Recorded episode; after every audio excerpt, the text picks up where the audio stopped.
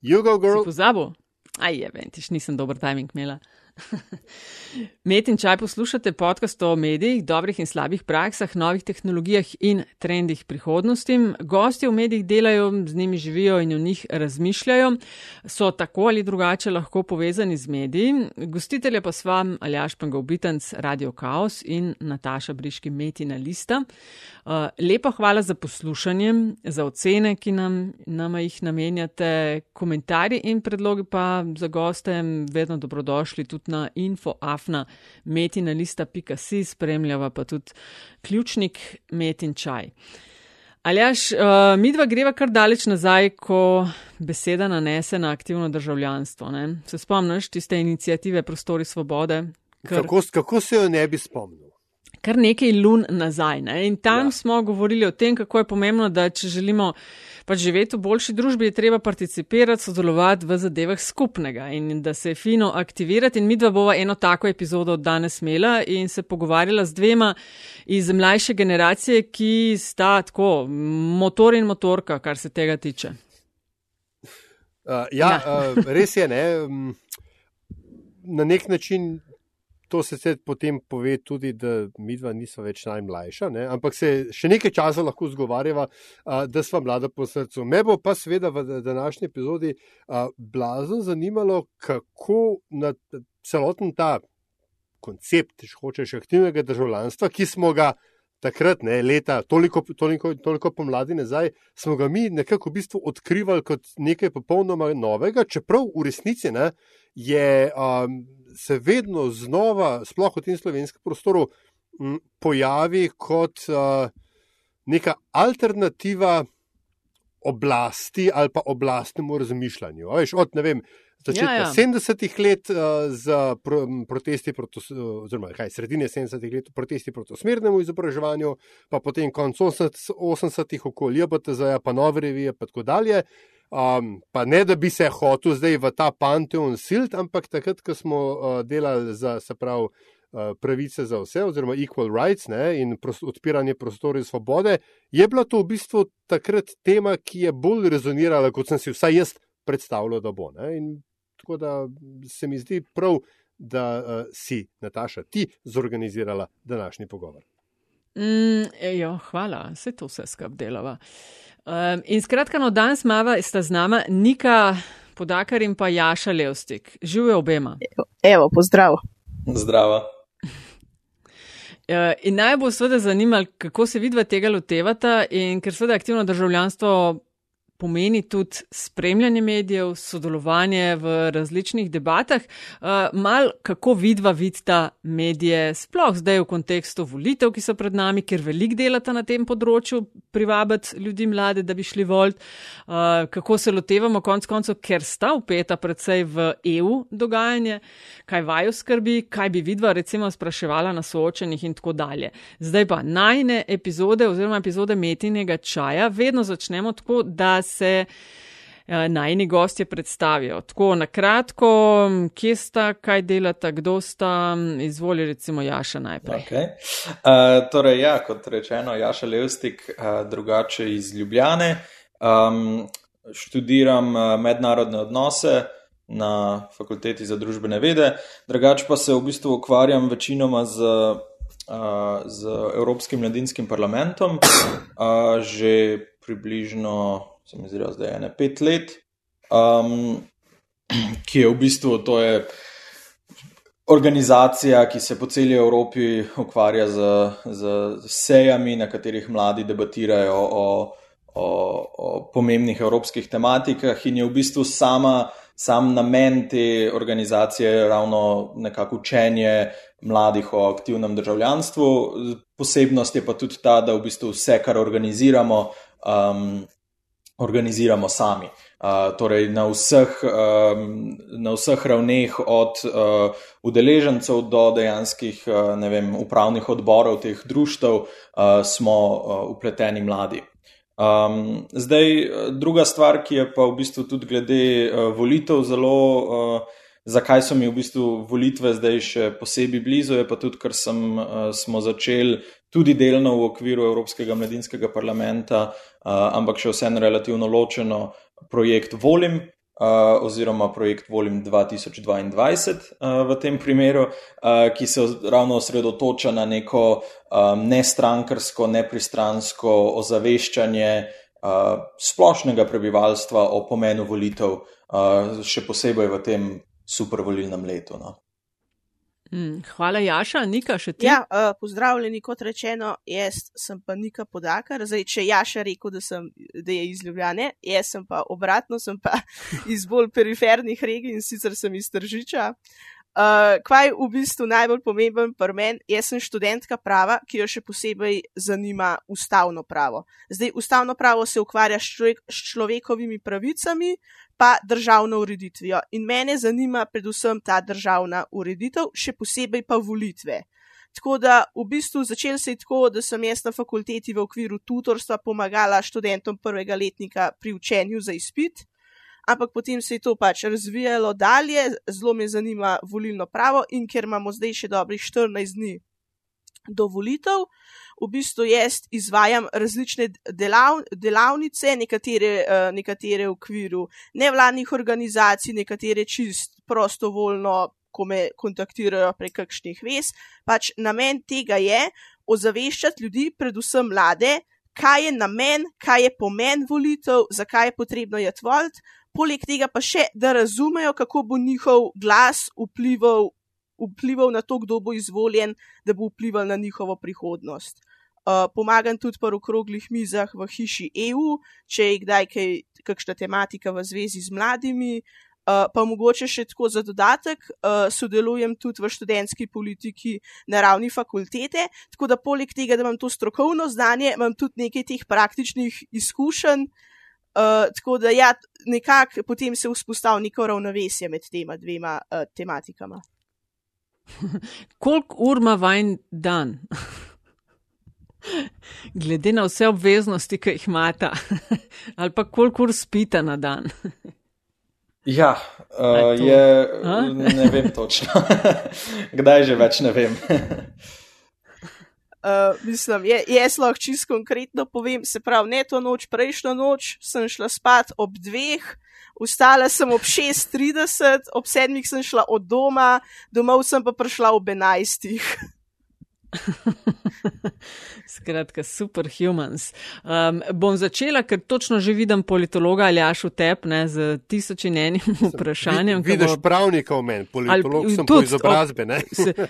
Pardon, ja pravnika v tebi z tisoč in enim vprašanjem, ampak ker sta vidva oba Nika in Jaša govorila o tem, da uh, delata na projektih, kako mladim povedati, zakaj so volitve pomembne, dajte povedati za štart, mogoče Nika, da všti uh, eh, najprej, kaj pa mlade ali pa to generacijo, s katero vidva klepetata, najbolj skrbi, kaj so vprašanja, na katera morate odgovarjati ali pa pomagate odgovarjati. Izvolite. Uh, Meni se zdi, da pri tej generaciji, vse to so najni vrstniki, pa mogoče mečkan starejši, pa mečkan mlajši. Uh, po eni strani, kar jaz vidim pri volitvah, uh, po eni strani si zelo želijo participirati, po drugi strani pa jih pa skrbi, da nimajo vpliva in v bistvu potem jaz začnem pri tem, da jim razložim, kako volitve potekajo, da vidijo, da dejansko imajo vpliv. To je ful pomemben, ker če ljudje imajo občutek, da itak je vse en, a gredo na volitve ali ne, potem ne bodo šli, a ne, ker niso motivirani. Zdaj, glede tematik, glede teh političnih vprašanj, so pa seveda te stvari, ki njih najbolj, uh, najbolj zadevajo, a ne stanovanska politika, predvsem okolje, prekarno delo. To pač mladi si želijo, si želimo, po, si želimo postaviti na lasne noge, ampak imamo občutek, ne, da pač družbena situacija ni glih najbolj rožnata glede tega. Zdaj, če pa rečem pa še ne, v okvirih teh mojih pravniških kolegov, smo pa pač zaskrbljeni glede tega, a ne, ok, poleg tega, a bomo dobili neko delo, potem pa, a bo naše delo zares cenjeno, v smislu, ker ja, mi želimo pripomoč k pravni državi, ampak a bodo ljudje to sprejeli. Tako da to, to je pa ena taka bolj specifična stvar, ki nas še zanima. Ja, še kako je pa pri tebi? Ja, jaz bi rekel, da definitivno mislim, se popolnoma strinjam uh, in se mi zdi, da je eden izmed glavnih problemov, pa nasplošno pri volitvah, ampak najbolj pri mladih, še bolj opazen je ta začaran krok, v katerega smo se ujeli, kjer v bistvu um, nekako politika ne nagovarja tistih, ki ne hodijo voliti, v tem primeru zelo velik mladih.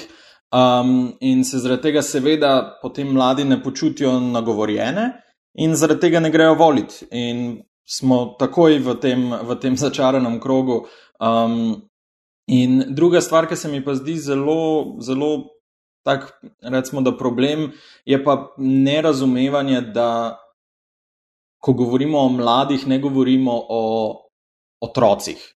Ne govorimo o, o ljudeh, ki jim je treba um, nekaj razložiti na najbolj preprost način, ali pa, ne, ali pa tako. Uh, pa na drugo stran, da ja, mogoče um, to je zelo tako bizaren primer, ampak se mi zdi zelo, zelo problematičen. Uh, po, prikaz ravno tega je, da mogoče res mladi govorimo vem, v slengu uh, ali pa kaj tasga, ampak to ne pomeni, da kot se nas nagovarja, um, da je potem takoj treba uporabljati sleng, da je treba poimenovati kampanje za volitve.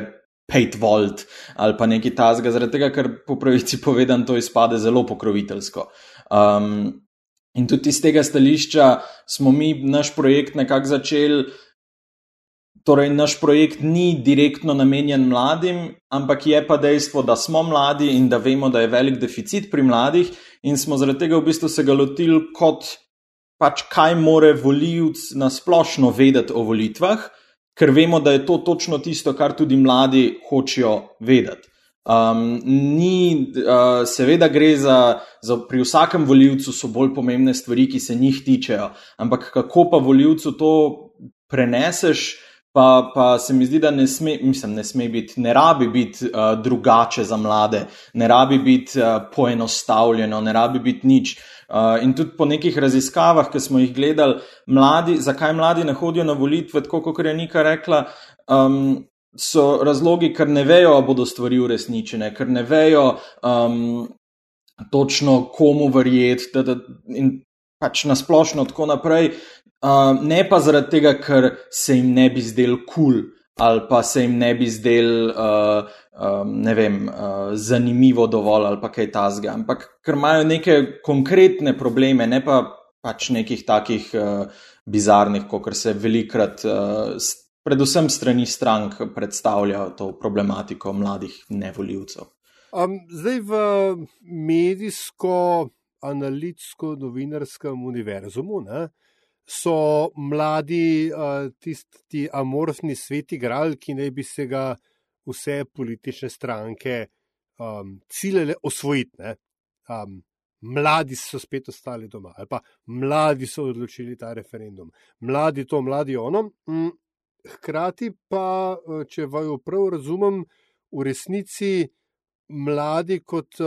Da rečem, v narekovajih, posebna demografska ali pa politična skupina, niso tako zelo različni od uh, gener srednje generacije ali pa starejših. Pač imajo svoje interese in iščejo, iščejo političnega zastopnika, zastopnike, ki bi jih um, uspešno zagovarjali. A sem jaz to prav nekako razumel?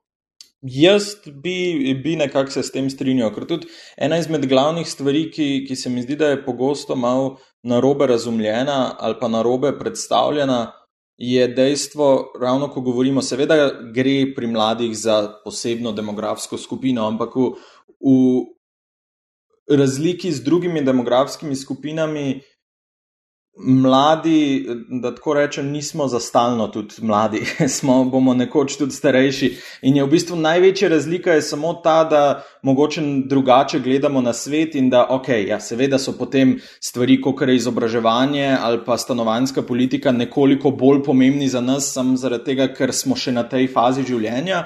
Ampak imamo pa velik del, mislim, seveda sestavljamo tudi našo demografsko skupino, sestavljajo v bistvu skoraj vse druge demografske skupine. Um, in se mi zdi, da, gre, da je večji problem v tem, um, da, da, da se nas. Recimo, da uh, narobe razume ali pa vidi kot to neko veliko drugačno stvar. Um, čeprav se mi zdi, da kot, kot je bilo rečeno, da smo zelo, zelo podobni v tem, kako razumemo stvari. no, in s tem nastavkom, ne, nekaj vprašanje za te, um, v drugih ja, zdaj, demografskih skupinah ne, ali pa nasplošno, se veliko krat uh, tudi pri vprašanju Evropske unije, če hočeš, ali pa pač odnosa do demokracije, demokratičnih vrednot in tako dalje, uh, se zgodita dve stvari hkrati. Na eni strani uh, to, kar, ste, kar smo danes že omenili, sej moj glas vendar nič ne šteje, ne? zakaj bi se pa jaz vendar matral, saj me nihče ne zastopa. In na drugi strani um, dojemanje vsega, vse, vse te uh, ureditve, ki jo imamo danes, ne? se pravi možnosti demokratičnega odločanja. Obstoj Evropske unije, prost prehod meja, svobodni trg in prost pretok ljudi, itd., itd., da se pa jemlje, pa ne z lepo slovensko besedo, zdravo za gotovo. In potem se na eni ali na drugem delu tega se, se nekaj zgodi, in je potem je kar nekaj šok, ne, češ, o, o, kako je pa to mogoče. Ne, ali, ne, ne vem. Več zmagajo skrajniži, pa, Evrops, pa ne, države stopijo iz Evropske unije in so vsi, vsi šokirani. Ali pa po drugi strani grejo mladi na, na referendum in se, in se uh, stvari spremenijo v nasprotju s pričakovanji. Se ne vem točno, kaj se zdaj hoče zdaj vprašati. Lahko jaz v latinčiču. Ampak, ampak, ampak je, je, a je, a se vam tudi tako zdi, no, ali, pač, ali se tebi tudi tako zdi, ali pa pač to zdaj iz opažanja starega prca, ki je že čist preveč ciničen. Ma, tako, tako le bom rekla. Um, Sej, vsaka ta demografska skupina ima ene te svoje interese, ki so tipični za celotno demografsko skupino. A ne za nas mlade bo, ne vem, stanovanska problematika, za upokojence bo pa višina pokojnin. Zdaj, mogoče se mi pa sam zdi, da te stare, starejše osebe, pa to mislim tako, starejše od mene, se pravi, ne mladi, ne mladi, okay, yes, ja, ja, ja, so mogoče pač v tistem delu življenja, kjer se pač počutno, počutijo prijetno tako, kot zadeve so, in pač ne, najbolj varni se počutijo, če vejo, da se ne bo nič spremenil. Se zdi, mladi pa malo smo še naivni, malo smo pretirano optimistični, malo smo pa tudi zagnani in smo tako opažamo stvari, to mi ni v redu, to mi ni v redu, to mi ni v redu, in potem se vprašamo, o, a jaz to lahko spremenim in kako lahko spremenim. In potem včasih nam pa celo kaj rata, in potem so te starejše osebe tako, o, to je pa zdaj drugače, kot sem jaz mislil, da bo naslednjih, ne vem, 30 let. No, celo pol, ki smo že čist pri tem, bom pa to izkoristila zdaj lepo na predvidevam, da spremljata soočanje. Ja. ja. ok, no, dajmo najprej za štart. Uh, S kakšnimi občutki jih spremljaš, kakšne se ti zdijo, eh, kaj opažaš, tako, kar takoj s kritiko. Ok, um, no, bom tako. Le, bom tako Vidim, da si že pripravljen. No, bom, bom tako začela. Jaz sem prejšnji teden imela COVID, se pravi, sem veliko ležala na kavču in sem pogledala čisto vsa soočanja in na RTV, na Pop TV, na Nova 24, vse. Zdaj, uh, tako bom rekla, to je zelo zabaven za gledati. Če se pa uh, potem se pa vprašaš, ošit, jaz bom te ljudi volil, ti pa ni več tako v redu, ker imam občutek, da so te osebe tam predvsem za šov, a ne tudi to, kar se med sabo tam napadajo pa blatijo, ker jih včasih še novinari v studiu ne morejo. Um, Ne morajo, ja, handlat, ne morajo kontrolirati, ja, in je pač res na meju okusa. Ampak se pa zavedam, ne, da tak, nač, tak način bo dosegel v bistvu najširši krok uh, prebivalstva. To je tako, za dve uri tistega soočenja, to bo veliko ljudi pogledali, ali pa bojo videli kakšne izseke, se, tega se jaz tudi zavedam. Um, rekla, rekla bom tudi tako, da soočenja na RTV so ratala malo bedna, ker ni ta pravih ljudi v studiu in poj si tako zeh. Bomo predstavili na Pop TV. Um, Ja, vse se novinari so, se trudijo, pa, da imajo krajši prispevek, pa aktualne tematike. Sam se zdi vso to dobro delo novinarjev, potem politiki, o, gremo, gremo to v blad zakopa, da jim se med sabo obmetavati. Jaz zelo tako vidim. Zdaj, tudi med mm -hmm. mojimi vrstniki, ki niso pravniki, vidim, da ne gledajo tok teh soočen, vidijo pa kakšne izse, izseke na YouTubu, na Facebooku, na TikToku ali pa kakšne mime. Uh, se pa zdi, mm -hmm. to je pa v bistvu, bom rekla, da je za vse demografske skupine, da ljudje ne gledajo teh soočen zato, da bi se seznanili s političnim programom, ker vejo, da so to pač predvolilne obljube, ki potem ne bodo uresničene. Ja, še pa ti? Ja, zelo, zelo bi se strinjal. Um, Nekako dve stvari, ki, ki, ki jaz najbolj razmišljam, ali pa recimo tri, mogoče. Uh, glede, glede soočen na eni strani, uh, ravno to, kar smo govorili o, o novinarjih, jaz prihajam iz, uh, recimo, ne bom rekel novinarske, nujno, ampak medijske družine. No, tako, eh, oba starša v bistvu delata v. V medijih, in pa recimo tudi z mami, ki je novinarka, gledava pogosto soočanja skupaj. In se jaz, um, ona običajno zraven piše že kakšen članek za naslednji dan, jaz pa v bistvu pol gledam soočanje in bolj ko ne navijam za novinarko.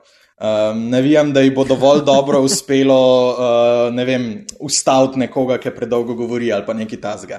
Uh, in se pol kdaj že malo zgubim v tem in skoraj da že neham, ravno zaradi tega, kar je Nika rekla, ko je v bistvu bolj ko ne itak samo šel v politiko. Um, in se pol ja, zgubim že malo v tem. Uh, ne, druga stvar, malo bolj konkretna, ki sem jo hotel reči, je, da me najbolj zaskrbi, ko pomislim, da ko pride do soočen, da si želim, da bi bilo bolj kot v Ameriki. In to je res moment, ko, ko, ko se zelo, zelo zamislim nad samim sabo, da si želim, da bi nekaj bilo tako kot v Ameriki. Um, zaradi tega, ker ampak dejansko ta ta aspekt njihove politike se mi zdi, da pri njih veliko bolj deluje, kjer dejansko soočenje lahko spremeni um, potek kampanje, zaradi tega, ker dejansko pokaže, kako konkreten in kako razmišljujoč in kako um, skoraj da pameten je kandidat. Um, in se mi zdi, da tega, tako kot je Nika rekla, ni. Um, ne strani, kako se politiki obnašajo, ne strani na koncu koncev nas kot gledalcev. Seveda ne morem kriviti nas kot gledalcev, lažje krivim njih, uh, mogoče smo oboji uh, krivi, ampak definitivno se, se nekako ujamemo v tej, v tej zgodbi, da preprosto nihče res, kot je Nika rekla, nihče ne gleda soočen za to, da bi se odločil, uh, koga bo volil. Um, Ker je ja. seveda Sorry, sorry, sam to sem hotel dodati, ker je seveda zelo težko za razliko od ZDA, kjer sta dva. To pa seveda tudi, ja. to pa točno pa, to. Ja. No, ok, ste vseeno v tistih ja. uvodnih rundah, ko še zbirajo pa sami ja. kandidati, kdo bo republikanci ali pa demokrati, jih je vsem več, ampak ja, ja. Na, na tistih splošnih pol soočenih sta ena ena za ne vem uro pa pol, klele imaš uh -huh. pa mhm. uro pa pol, pa jih deset ja. noter sedi. Mi je pa zadnja stvar, ki pa mi je zanimiva, je pa, da presenetljivo dobro ugotoviš skozi soočenja. Najbrž edini dober, primer, dober trenutek v celotnem, ne vem, tem štiriletnem uh, času, ko dobro vidiš v notranjost posamezne stranke. Uh, recimo um, primer SDS-a in prvega soočenja, kamor je prišla Romana Tomc popolnoma nepripravljena. Um, in, in vidiš, da, da je nekaj se morali zelo v kratkem trenutku zgoditi. In uh, to pa je, je tako zanimiv trenutek, ko imaš malo boljši uvid v, v kako različne stranke delujejo. No. Ja, jaz sem hotel dodati, eno se mi zdi zanimiv in za sogovorce, klej in za poslušalce. Uh, jaz sem prejšnji teden, ker sem imela ful preveč sajta, gledala. Uh, Soočanje parlamentarnih strank, pa soočanje predsedniških kandidatov iz leta 1990, Tako da, hvala RTV 365, ful zanimivo gledanje, a ne da sam da povem, jaz sem rojena leta 99, meni je bilo to gledati, kot da bi gledala neki iz 17. stoletja. In mi je bilo zanimivo, a ne, itak oni niso vedeli, sogovorci niso, tam, niso vedeli, kva pričakovati, kako bo to potekalo, kako se odzvati, in je bilo izjemno manj blatenja, kot kar danes, izjemno bolj na vsebinskem nivoju. Vsi so se malo prcali med sabo, ampak to tako, kot bi šel s kolegi na pivo. I, izjemno bolj na vsebinski ravni, tudi manj so se izmikali vprašanjem. Jaz sem ti zgledala in sem lahko, oh, wow, jaz bi si pa tega danes želela. Nika, no, vidiš, um, prej si omenila, um, če, če bom prav uh, citiral, da na soočenjih niso pravi ljudje. Uh, ja, Ja.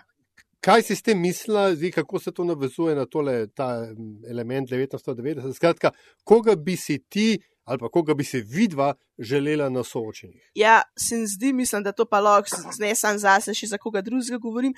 Uh, želimo si na soočenih tistega, ki bo pač nekaj znal povedati.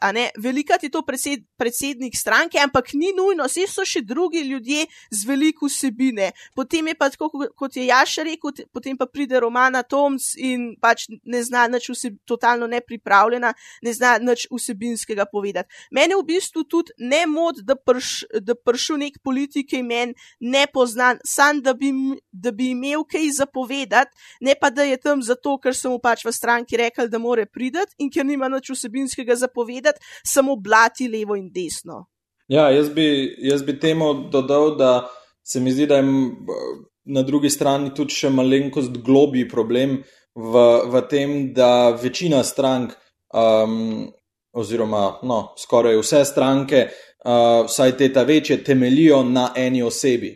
In potem smo v bistvu smo v tem problemu, da ali pride ta oseba in kot je Nika rekla, seveda pogosto tudi ne more vedeti vsega, ali pa pride nekdo drug, ki pa mogoče ve kaj več, je pa pol že spet tudi to, da pa se takoj ljudje sprašujejo, ja, zakaj pa ni predsednika stranke, ja, zakaj pa ni. Uh, kar, kar je pravilno, zaradi tega, ker so seveda predsedniki stranke povsod narejeni v to neko božanstvo te stranke. Um, in si potem tudi ljudje sploh ne morejo predstavljati, da lahko ta oseba tako veliko uh, pove, pa se mi zdi, da na drugi strani tudi stranke pogosto delujejo na tak način, da ljudje, ki niso v popolnem vodstvu stranke, ne morejo tako natančno vedeti stvari, um, kako si je zamislila stranka, ker je to očitno bolj, bolj na, na plečih. Uh, Ej, a veš, zakaj so se zasmejala z Aljažem glih na tej točki? Ker smo točno o tem govorili še en drug podcast delava, ki se mu reče LDGD in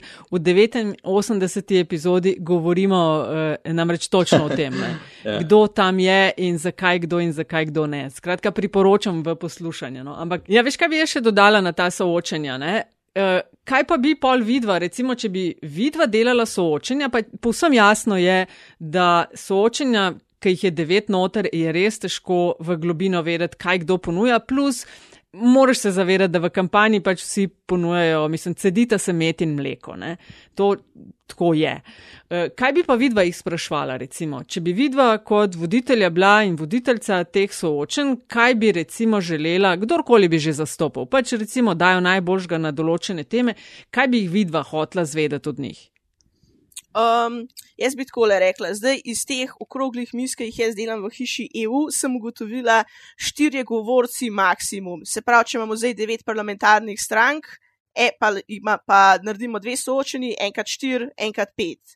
Prvo to. Poj, druga stvar, ki se mi zdi ful dobra ideja, to sem videla na soočenju parlamentarnih strank, uh, soočenju um, ki je bilo na pravni fakulteti, da so imeli timer, vsakemu tri minute za odgovor in ki je zapiskal, konc, mikrofon se ugasne. Ne, s tem tudi ma, dobimo to sorazmerno, koliko bo vsak povedal.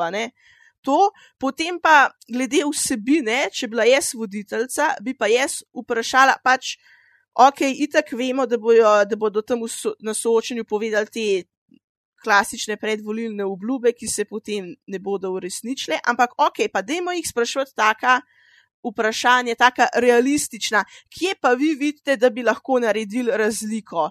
Uh, kako bi pa vi naredili, um, kakšen kompromis glede tega vprašanja pa ste še pripravljeni sprejeti? A ne, jaz tudi vem iz moje študentske poli politike, ti misliš, o, bomo to naredili, pa to, ja, potem je pa treba dosti glasov imeti, je pa treba neke kompromise sprejeti. Se to ni zato, ker bi bili ljudje pokvarjeni, taka je politična realnost. No, tako da jaz bi jih vpraš spraševala vprašanja iz te politične rea realnosti. In tako bodo pa izavili odgovore, ker so vešči v tem, ampak saj da je izhodišče tako. Ja, jaz uh, se strinjam, bi, mislim, tako, popolnoma se strinjam, tako da ne bom uh, šel čez cel ta uh, um, pregled še enkrat. Kar bi dodal je eno vprašanje, oziroma mogoče ni eno vprašanje, ampak en sklop vprašanj, ki bi mi bil zelo pomemben, je um, vprašanja, ki temelijo na tem, kako deluje naš sistem. um, splošno parlamentarni, um, kjer bi bilo vprašanje, kako pa boste delovali kot opozicija, če se znajdete v tej uh, funkciji, kako boste delovali, če, če ne pridete v parlament. Uh, zaradi tega, ker se mi zdi, da je zelo pomembno, da, da se zavedamo, da trenutno, mislim, da naš sistem temelji tudi na močni opoziciji. Recimo. Da, da recimo, če ti voliš nekoga, ki um, ne pride v koalicijo, ne pride v vlado, še vse nisi stran vrgo svojega glasu, da to so še vedno stranke ali pa ljudje, ki bodo. Um, Vplivali na to, kako uh, se, se, um, kaj se dogaja v naslednjih štirih letih. Tako da to, to se mi zdi, da je pogosto zelo, zelo um, zanemarjeno.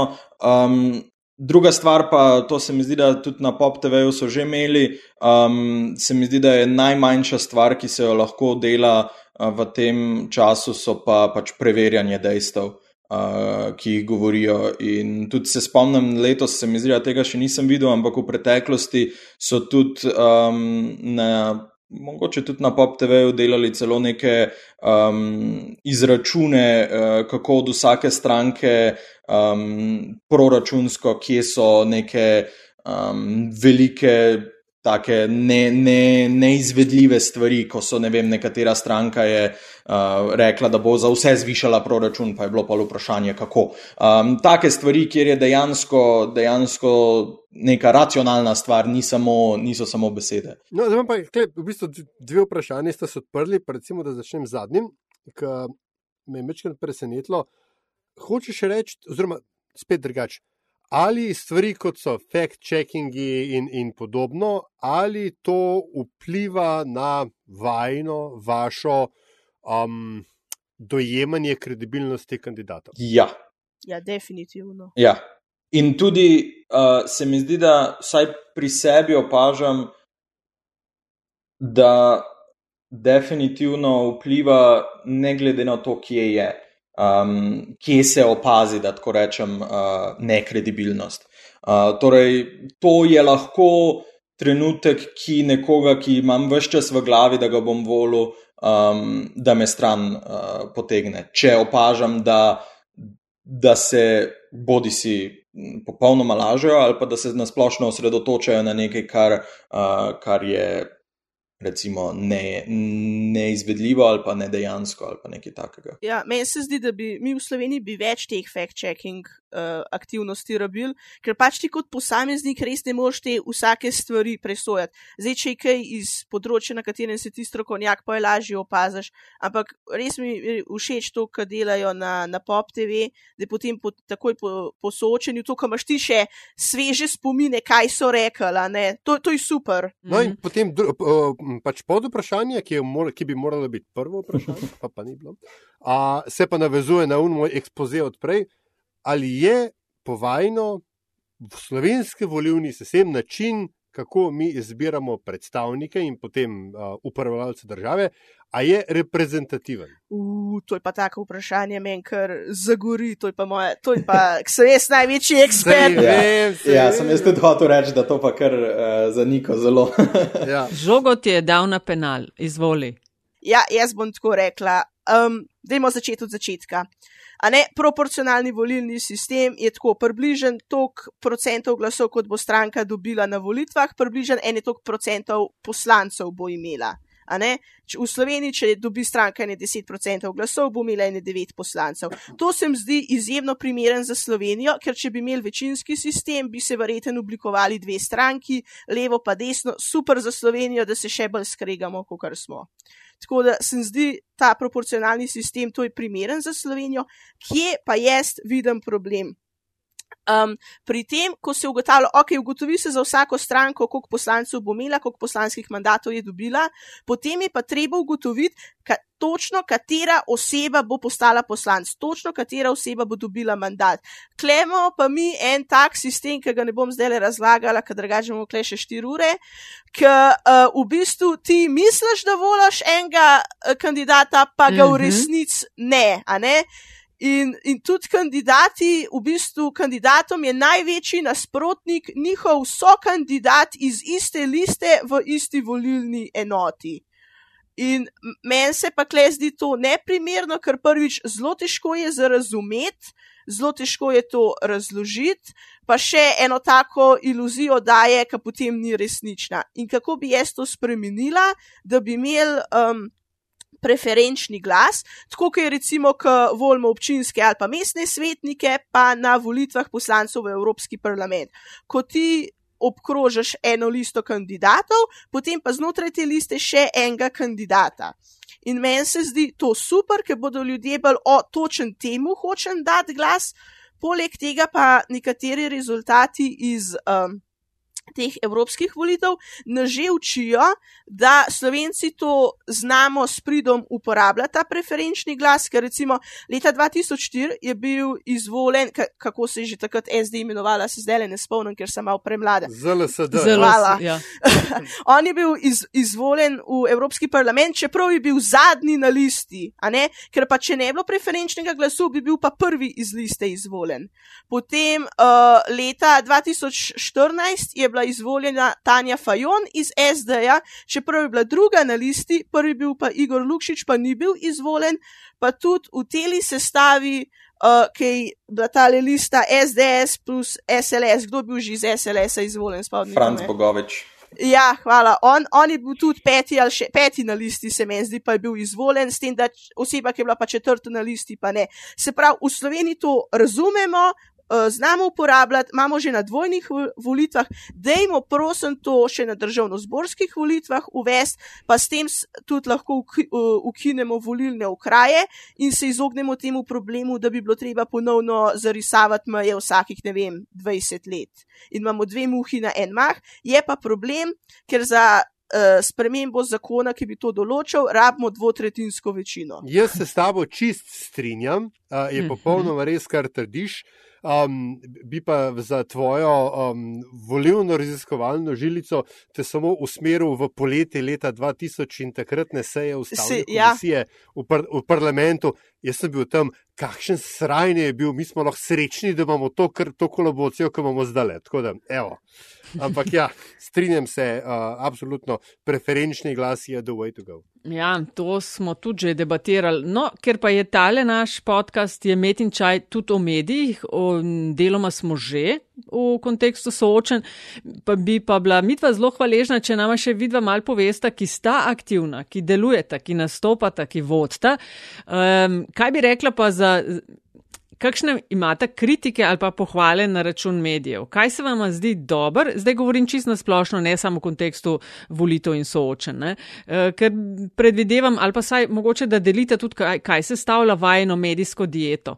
Kaj odpreta, gledata, bereta, spremljata, da sta, ne vem, na tekočem in informirana. Ja, uh, Jaša, ja. izvoli. Um, jaz bi definitivno rekel, da. da smo v zelo težavnih časih, kar se tiče medijev, uh, in v Sloveniji, in, in po svetu. Um, ampak se mi zdi, da, uh, ali pa recimo, da začnem, no, za, za kako, kako se jaz lotevam medijev. Um, jaz, po pravici povedan, na, na recimo, da, da temu rečem pravilen način, uh, večino novic uh, začnem dobivati preko Facebooka.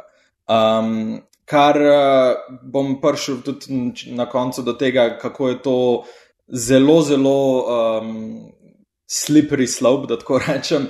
Um, ampak um, se mi zdi, da če, če slediš dovolj velikemu številu um, nekih kredibilnih, uh, kredibilnih medijev, potem dobiš dovolj dobro sliko. Um, In uh, tako da v bistvu prek tega, potem pa uh, vsakeč, ko, ko v neko novico nekako zaidem, um, si nujn, kot pod nujnost vidim tudi, da grem pač v, v, v druge, v, med druge medije pogledat. Uh, zdaj se mi zdi, da ena stvar, ki, ki bi skoraj da vsakemu, ki ima 5% zanimanja v medije, predlagal, je uh, serija, ameriška serija Newsroom. Um, zaradi tega, ker um, ne vem, če, če kdo pozna, ampak to je serija, ki je sicer satirična, prijetna za gledati, uh, nekoliko komedija, ampak še nikoli nisem videl v bistvu tako jasnega prikaza um, kaj je pomembno v novinarstvu.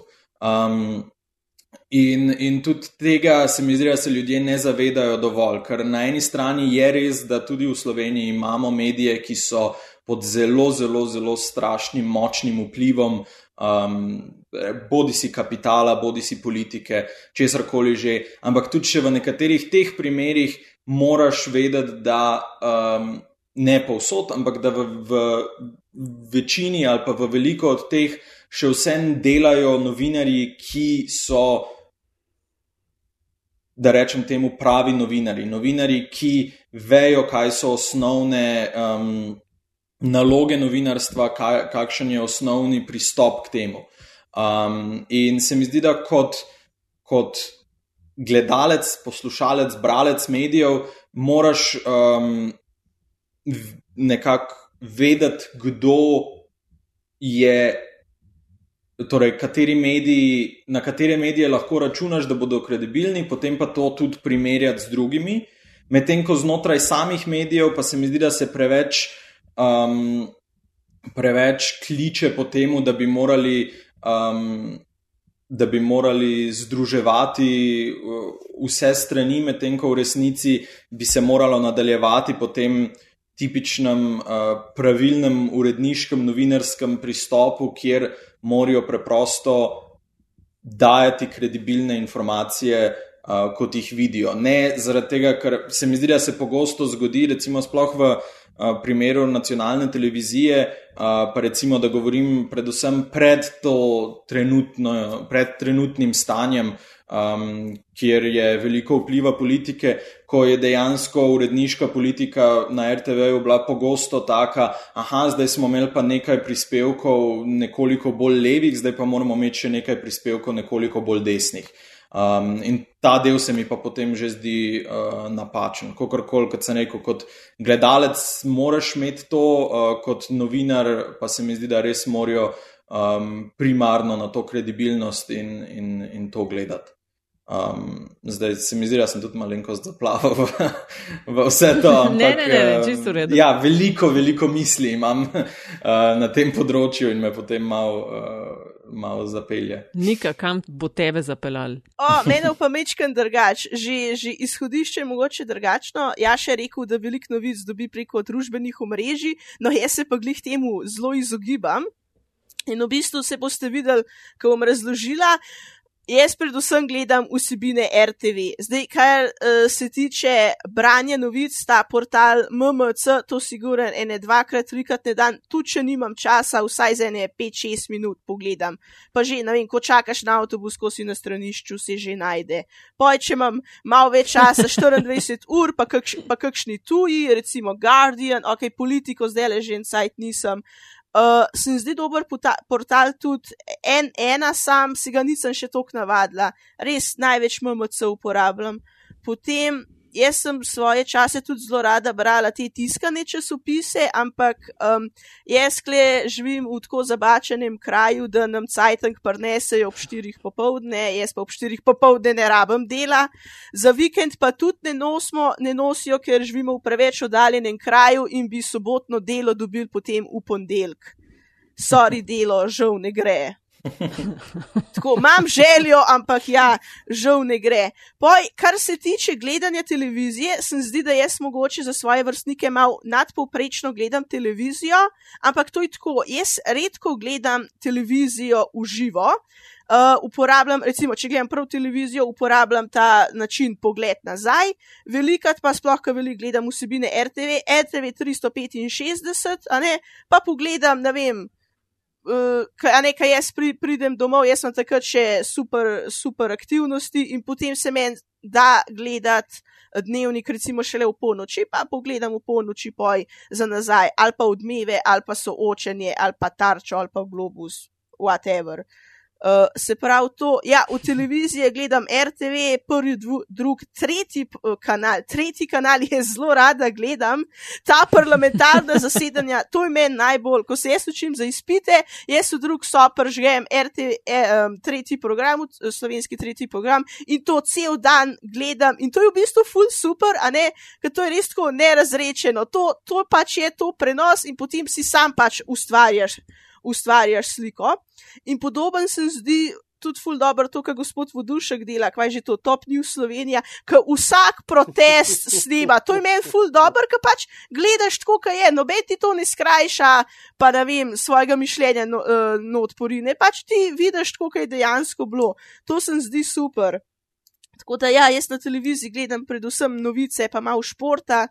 Um, nekaj časa sem tudi gledala te tuje kanale, včasih recimo CNN, France 24, pa mogoče zdaj to malo neprimerno, da povem, ampak gledala sem tudi dost Russia Today. Aha, dokler ga niso ja, povedali.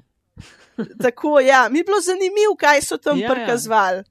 Um, mo, moraš tudi vedeti, kaj, ja, kaj se v drugih državah dogaja, pa kako oni o tem ja. poročajo. Ja, se strinjam, če zaljaš. Ja. Ja, jaz sem hotel samo to, uh, kar me je Nika lepo spomnila, da sem hotel še dodati glede Facebooka, da pa lih to uh, se mi zdi največji problem pri Facebooku, da uh, kar jaz, uh, kot sem rekel, se nekako trudim. Moj Facebook je res, um, za me je Facebook res postal um, v zadnjih petih letih popolnoma delovno orodje. Uh, Pričemer je Instagram, recimo, bolj za, za ne vem gledati uh, neke zabavne stvari, ali pa celo TikTok, ali pa kaj tasga, je Facebook res postal delovno orodje. Na eni strani za, za kakšne projekte, ki jih delamo, pa komunikacijo tam, ampak na drugi strani pa ravno za, za novice in tako. In se mi zdi, da Facebook je sam po sebi lahko zelo lik zaradi tega zelo uporaben, ampak kot sem prej rekel in sam to sem hotel še zdaj dodati, če ga na pravilni način uporabljaš. Ker se mi zdi, kaj se zelo pogosto pri Facebooku zgodi in to sploh niso te stvari, ki jih govorimo kot. Um, Manipulacija uh, Facebooka strani, ne vem, Rusov v ameriških volitvah ali pa uh, tale uh, Cambridge Analytica ali pa kaj tasga, ampak nasplošno to, da skozi Facebook zelo, zelo zlahka postaneš polariziran. Zaradi tega, ker bolj ko lajkaš, bolj ko bereš stvari, ki so tebi všeč, bolj bo tebi Facebook to dajal.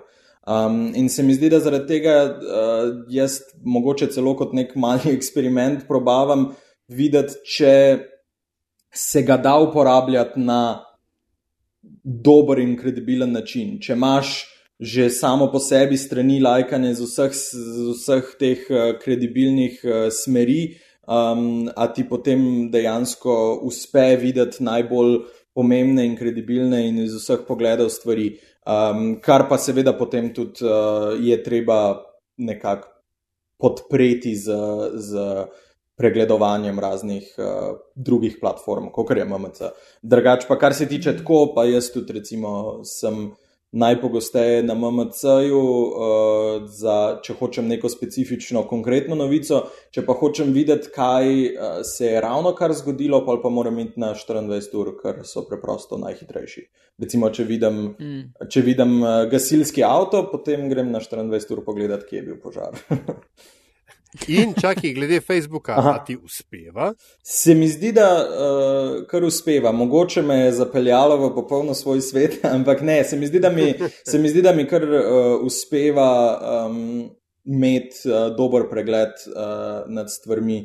Uh, in druga stvar je pa, uh, se mi zdi, da če se ga dobro lotiš, potem um, prebiješ tisti tipičen, uh, tisti kar vsi mediji trenutno zelo močno delajo in to tudi gleda moja mama, ki, ki, ki je na, na spletnem mediju novinarka, kako se muči, ker je dejansko neizmerno težko, ampak to je preprosto realnost, to, um, kot bi lahko že skoraj rekel, clickbait naslovi.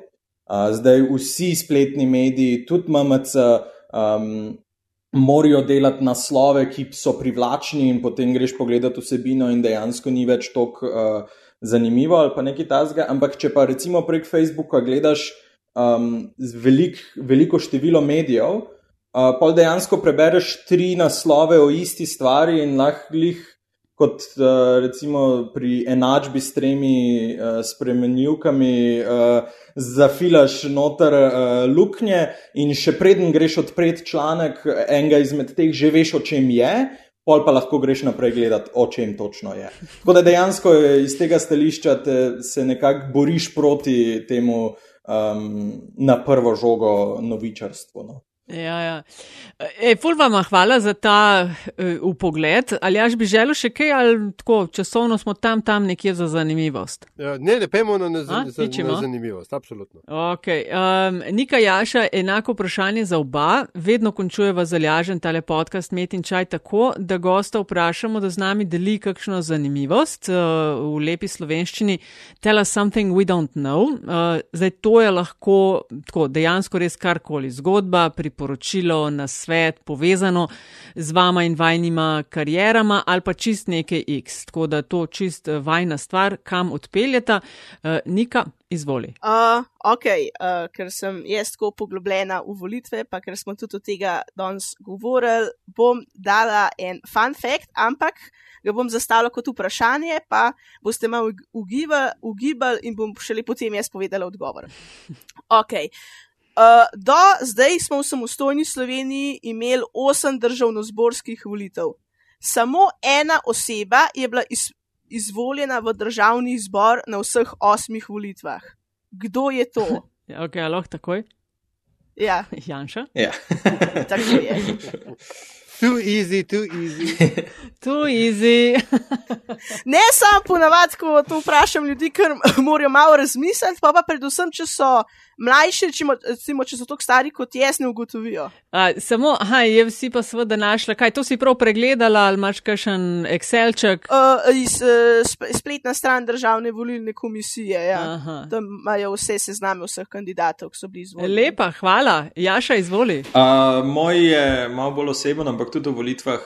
Um, Pa ga bom, ne bom ga zastavil kot vprašanje, ampak uh, kot uh, clickbait naslov članka. um, uh, um, kako naj rečem, da, da bo šlo vse pravilno? Uh, nikoli še nisem volil v nedeljo. Uh, skratka, uh, ja. ne, hotel sem na splošno prvo reči, nikoli še nisem volil, ampak pol je to že preveč zavajujoče. Uh, skratka, na vseh volitvah, na katerih sem lahko do zdaj volil, sem volil na predčasnih volitvah, um, kar vem, se mi zdi tako mala, mala bizarna stvar. No. Um, ampak ja, čist vedno se je nekako tako izšlo, da mi je bolj prav prišlo iti na predčasne. A veš, da meni tudi, ja. mislim, se potrudim jed prej za vsak slučaj, če bi karkoli v nedeljo bilo, ja. ne bi mogla jeti. Tudi to. Uh, Jaša Levstik in Nika Podakar, najlepša hvala, ker ste bila gosta podcasta Met in Čaj. Hvala vama. Hvala vama, hvala, ker ste si vzeli čas.